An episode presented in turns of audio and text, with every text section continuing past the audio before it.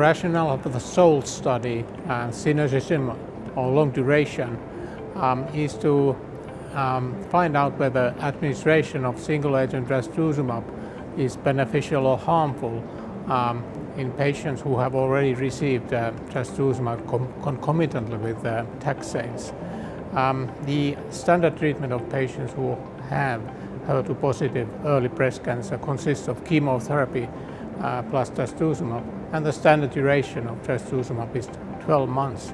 However, this duration was um, uh, chosen arbitrarily um, based on no real scientific data, and therefore we need studies to test whether this duration is optimal and whether the partner drugs given together with trastuzumab add to efficacy and how much they do.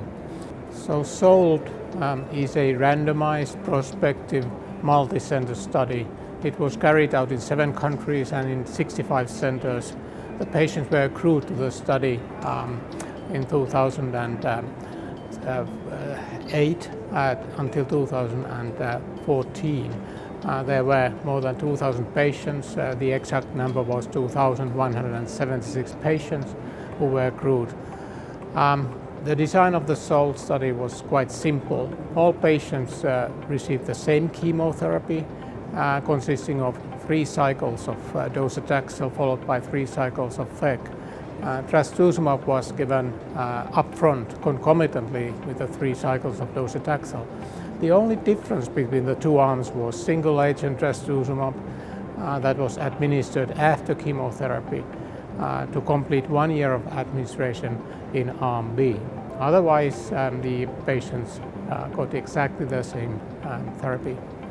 The primary objective in the SOLD study was disease-free survival, and it turned out uh, after median follow-up of 5.2 years that there were more disease-free survival events in the shorter um, trastuzumab arm group, the nine-week group, as compared to the one-year group.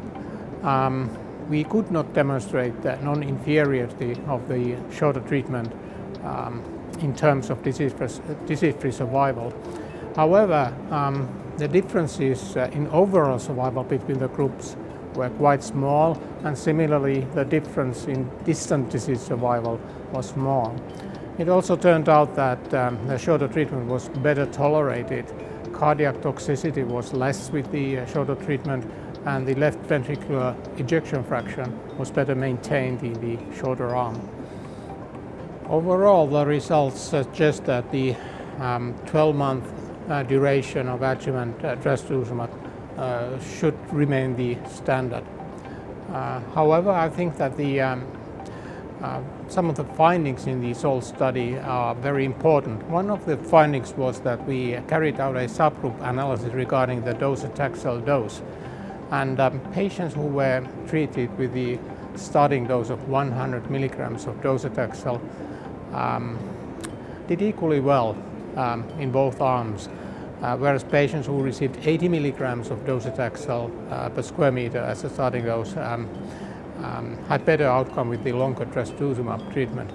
These findings suggest that the um, docetaxel dose is important for efficacy, and um, in future trials we are going to um, look at this in more detail. One of the trials is uh, the Bolt 1 study, uh, where the shorter arm is reinforced by dual inhibition of HER2. We are going to administer both trastuzumab and pertuzumab in the shorter arm and use the higher dose docetaxel dose.